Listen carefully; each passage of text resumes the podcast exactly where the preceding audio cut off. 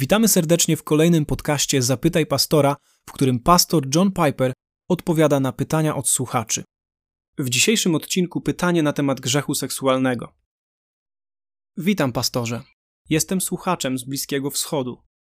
Przespałem się ze swoją dziewczyną dwa dni temu i teraz oboje jesteśmy zranieni i czujemy się brudni, tani i zawstydzeni. Nie możemy nawet na siebie spojrzeć. Oboje jesteśmy nowonarodzonymi wierzącymi w Chrystusa, ale zostaliśmy zwabieni w pokuszenie. Czy jest jakakolwiek nadzieja, że znowu możemy stać się czyści i zostać oczyszczeni z naszego grzechu? Wiem, że krew Jezusa zakrywa wszystkie nasze grzechy, ale jak możemy odzyskać czystość naszego związku? A może jest ona nie do odzyskania? Co mamy teraz zrobić? Myślę, że ten młody człowiek z Bliskiego Wschodu zaczyna z odpowiednim nastawieniem.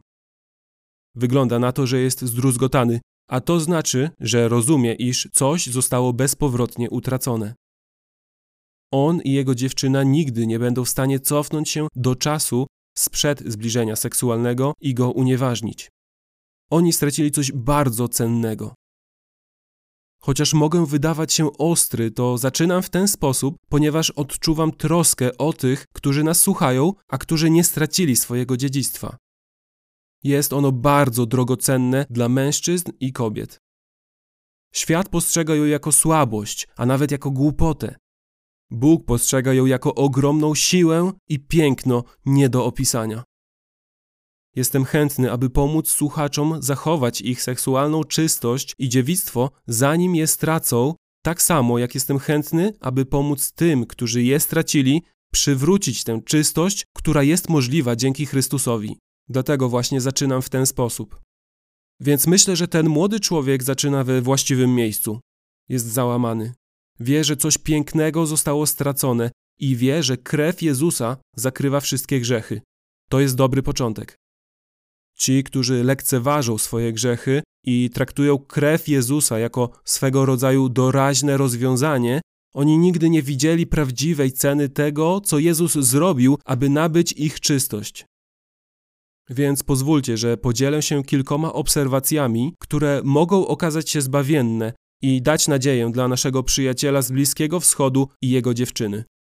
Po pierwsze, chciałbym szybko zwrócić uwagę na to, co on już wie, ale używając tekstu biblijnego.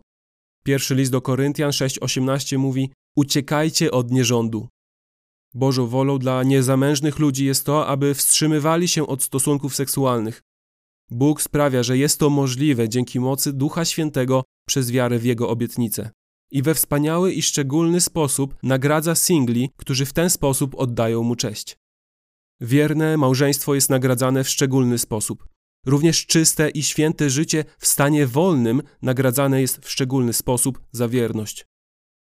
Zamężni ludzie mogą wielbić Boga w sposób, w jaki nie mogą tego robić single, i single mogą wielbić Boga w sposób, w jaki nie mogą robić tego zamężni.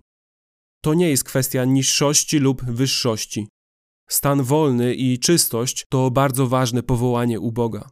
To jest pierwsza rzecz, którą chciałem powiedzieć.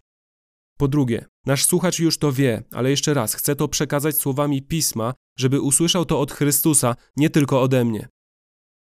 Więc powiedziałbym do niego, to jest Marka 3:28, Zaprawdę powiadam wam, wszystkie grzechy będą odpuszczone synom ludzkim, nawet bluźnierstwa, ilekroć by je wypowiadali. Kto by jednak zbluźnił przeciwko Duchowi Świętemu, nie dostąpi odpuszczenia na wieki. Odłóżmy teraz na bok kwestię, co oznacza bluźnić przeciwko Duchowi Świętemu. Zajmiemy się tym innym razem. Pozwólmy sobie wszyscy ze łzami wdzięczności, drżąc z radości, po prostu rozkoszować się tymi słowami. Wszystkie grzechy będą odpuszczone synom ludzkim. To zapiera dech w piersiach. Czy możesz sobie wyobrazić coś wspanialszego dla tej osoby jak Łotr na krzyżu, który nie znał nic, nic poza grzechem przez wiele lat swojego życia? Innymi słowy, nie ma żadnego konkretnego grzechu lub rodzaju grzechu, który byłby tak ohydny, tak okropny, tak obraźliwy wobec Boga, że nie mógłby być przebaczony przez krew Jezusa.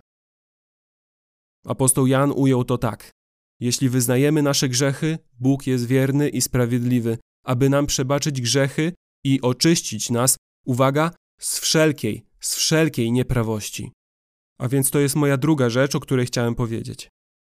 Trzecia rzecz. To będzie teraz ogromne wyzwanie dla tej pary, aby w ich sytuacji wybaczyć sobie nawzajem.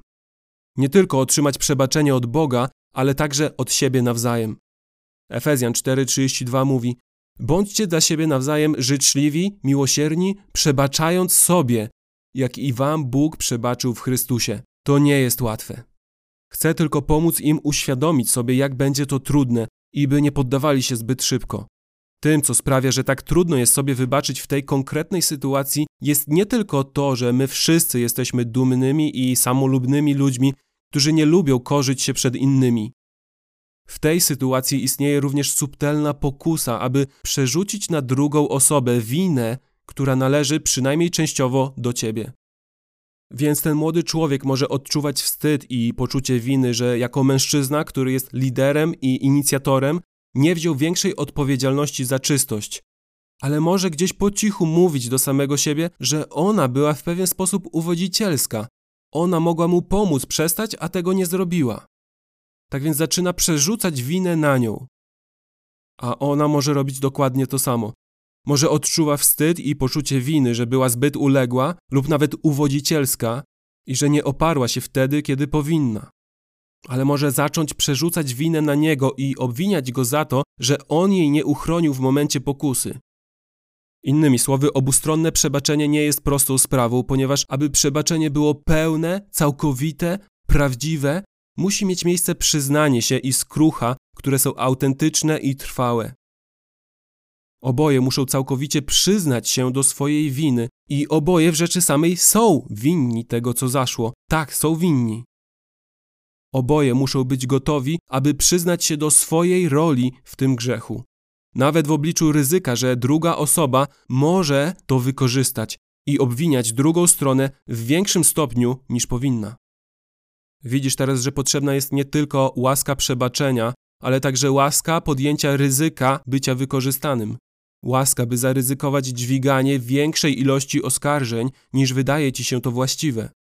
Łaska, aby traktować drugą osobę lepiej, niż myślisz, że ty jesteś traktowany. Łaska, aby pozostać uniżonym przed krzyżem, kiedy masz pokusę, aby powstać i czuć się lepszym, nawet w poczuciu wyższości własnej skruchy. Więc obustronne przebaczenie jest bardzo skomplikowane i wymaga łaski na każdym kroku. I czwarta rzecz, którą chciałbym powiedzieć. Ze względu na wszystkie niedoskonałości życia ludzkiego i wszystkie niejasności otaczające wzajemne przebaczenie, potrzebne będzie ogromne doświadczenie rzeczywistości kryjącej się za staromodnym słowem znaszać lub znosić, używane we współczesnych tłumaczeniach Biblii. Znoszenie, przetrzymanie jest tym, co robisz, kiedy przebaczenie nie zaradziło do końca napięciom istniejącym pomiędzy wami. Myślisz, że ta druga osoba powinna była zrobić więcej, że powinna zmienić się bardziej. Myślisz, że powinna bardziej żałować.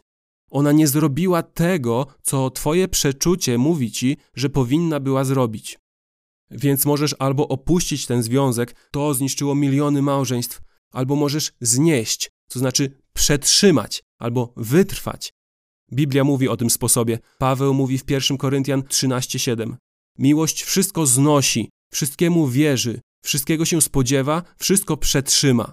Spójrz, on mówi o tym dwukrotnie. Wszystko znosi, wszystko przetrzyma.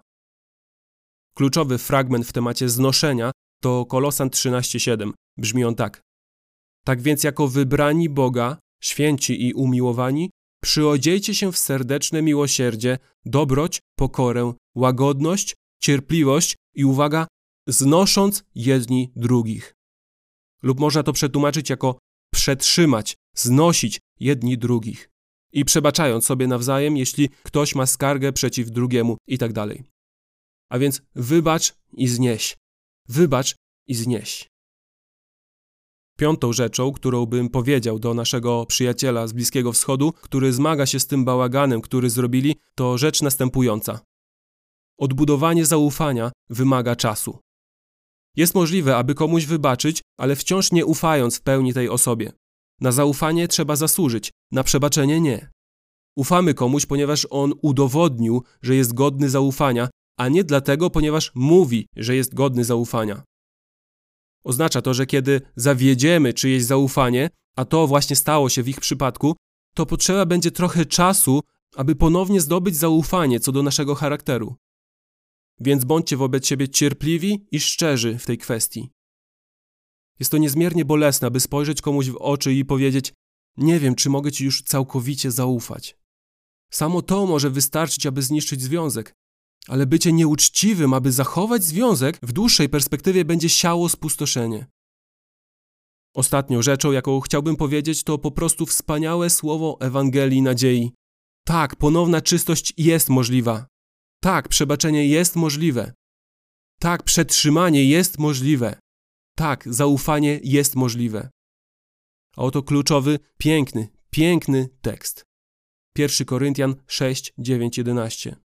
Czy nie wiecie, że niesprawiedliwi nie odziedziczą Królestwa Bożego? Nie łudźcie się, ani rozpustnicy, ani bałwochwalcy, ani cudzołożnicy, ani zniewiaściali, ani mężczyźni współżyjący ze sobą, ani złodzieje, ani chciwcy, ani pijacy, ani złorzeczący, ani zdziercy nie odziedziczą Królestwa Bożego. A potem jest napisane, a takimi niektórzy z was byli, byli. To może być powiedziane o was. Mówię do was, do tej pary, która może słucha tego razem. To może być powiedziane o was. Takimi byli.